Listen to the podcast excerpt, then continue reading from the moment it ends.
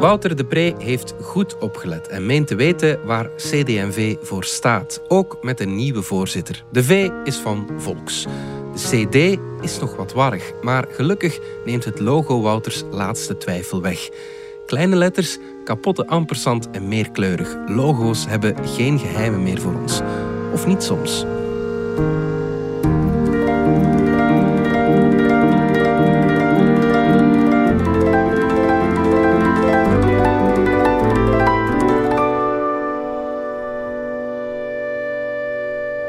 Van alle taaluitingen zijn logo's het moeilijkste te begrijpen. En van alle logo's zijn die van politieke partijen het allermoeilijkste te begrijpen.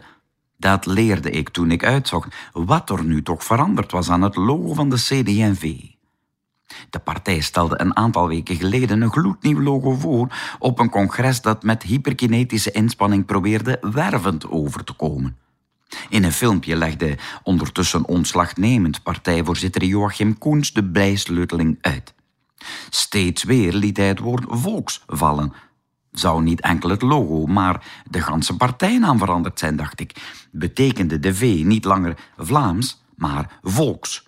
Of stond de V nu ook voor veilig, een woord dat meneer Koens ook regelmatig liet vallen? Verder ging het opvallend vaak over centrum. Zou de C niet langer christendemocratisch betekenen misschien? Ik vond het geen onnozele veranderingen, maar een klein deel van de Vlamingen is nog praktiserend katholiek. En ook de Vlaamse bekommernis lijkt al gecoverd door andere partijen. Ook de diversiteit van de samenleving weergeven bleek een doel. Zou dat de vernieuwde D kunnen zijn? Niets van dat, bleek verder. CD&V betekenen nog steeds christendemocratisch en Vlaams. Alle klemtonen waar meneer Koens over sprak, moesten blijken uit het logo zelf. Ik bekeek het visuele en typografische kunstwerkje dan ook met hoge verwachtingen. Ondertussen had ik in de gespecialiseerde marketingpers de superheldkwaliteiten van een logo teruggevonden. Een logo geeft een merkidentiteit weer, bevordert merkloyaliteit en zorgt voor een emotionele band met je doelgroep. Ik wist al wat ik wou voor mijn volgende verjaardag. Helaas was verwarring mijn deel toen ik het nieuwe logo aandachtig bekeek. De partijnaam wordt er niet langer in hoofdletters geschreven. Mijn hoofd ging als een razende aan het raden. Zou dit een afleggen van pretenties symboliseren? Een elite die de ivoren toren van de hoofdletters verlaat en afdaalt naar de kleine letters van Jan met de pet. Wil de partij er niet langer uitzien als een uitroep, maar kiest ze voortaan voor zacht gefluister. Ook de ampersand in de partijnaam zag er opvallend anders uit. Er was een stuk uitgehapt. Misschien verwees dit naar een gebrek aan veiligheid. Was de ampersand gevandaliseerd door onverlaten? Ik interpreteerde nog een niveautje hoger. Verwees de ampersand van CD&V niet ooit naar verbondenheid? Misschien wees het ontbrekende stuk wel op de afbrokkelende sociale verbanden.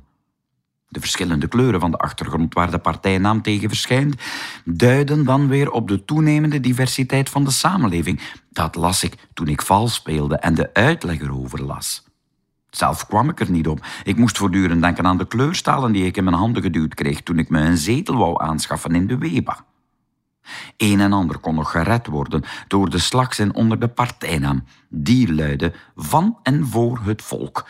Maar nu was ik helemaal in de war. Had de partijvoorzitter niet net verklaard dat er te weinig geluisterd was naar het volk? Waar sloeg die van dan op? Het kon toch niet dat jong CD&V hier akkoord mee was gegaan, dacht ik. Ik zocht hun logo op om te zien welke merkidentiteit daaruit sprak. In dat logo was centraal een vierkant blanco gelaten. Wat een dramatische fout van de ontwerper, dacht ik. Tot ik las dat dat witte vierkant wees op het feit dat CD&V een centrumpartij is. Wat zegt dat over het centrum? sloeg mijn brein nu volledig tilt. Dat het centrum wit is, dat het geen inhoud heeft, dat de logolezer het helemaal zelf mag invullen.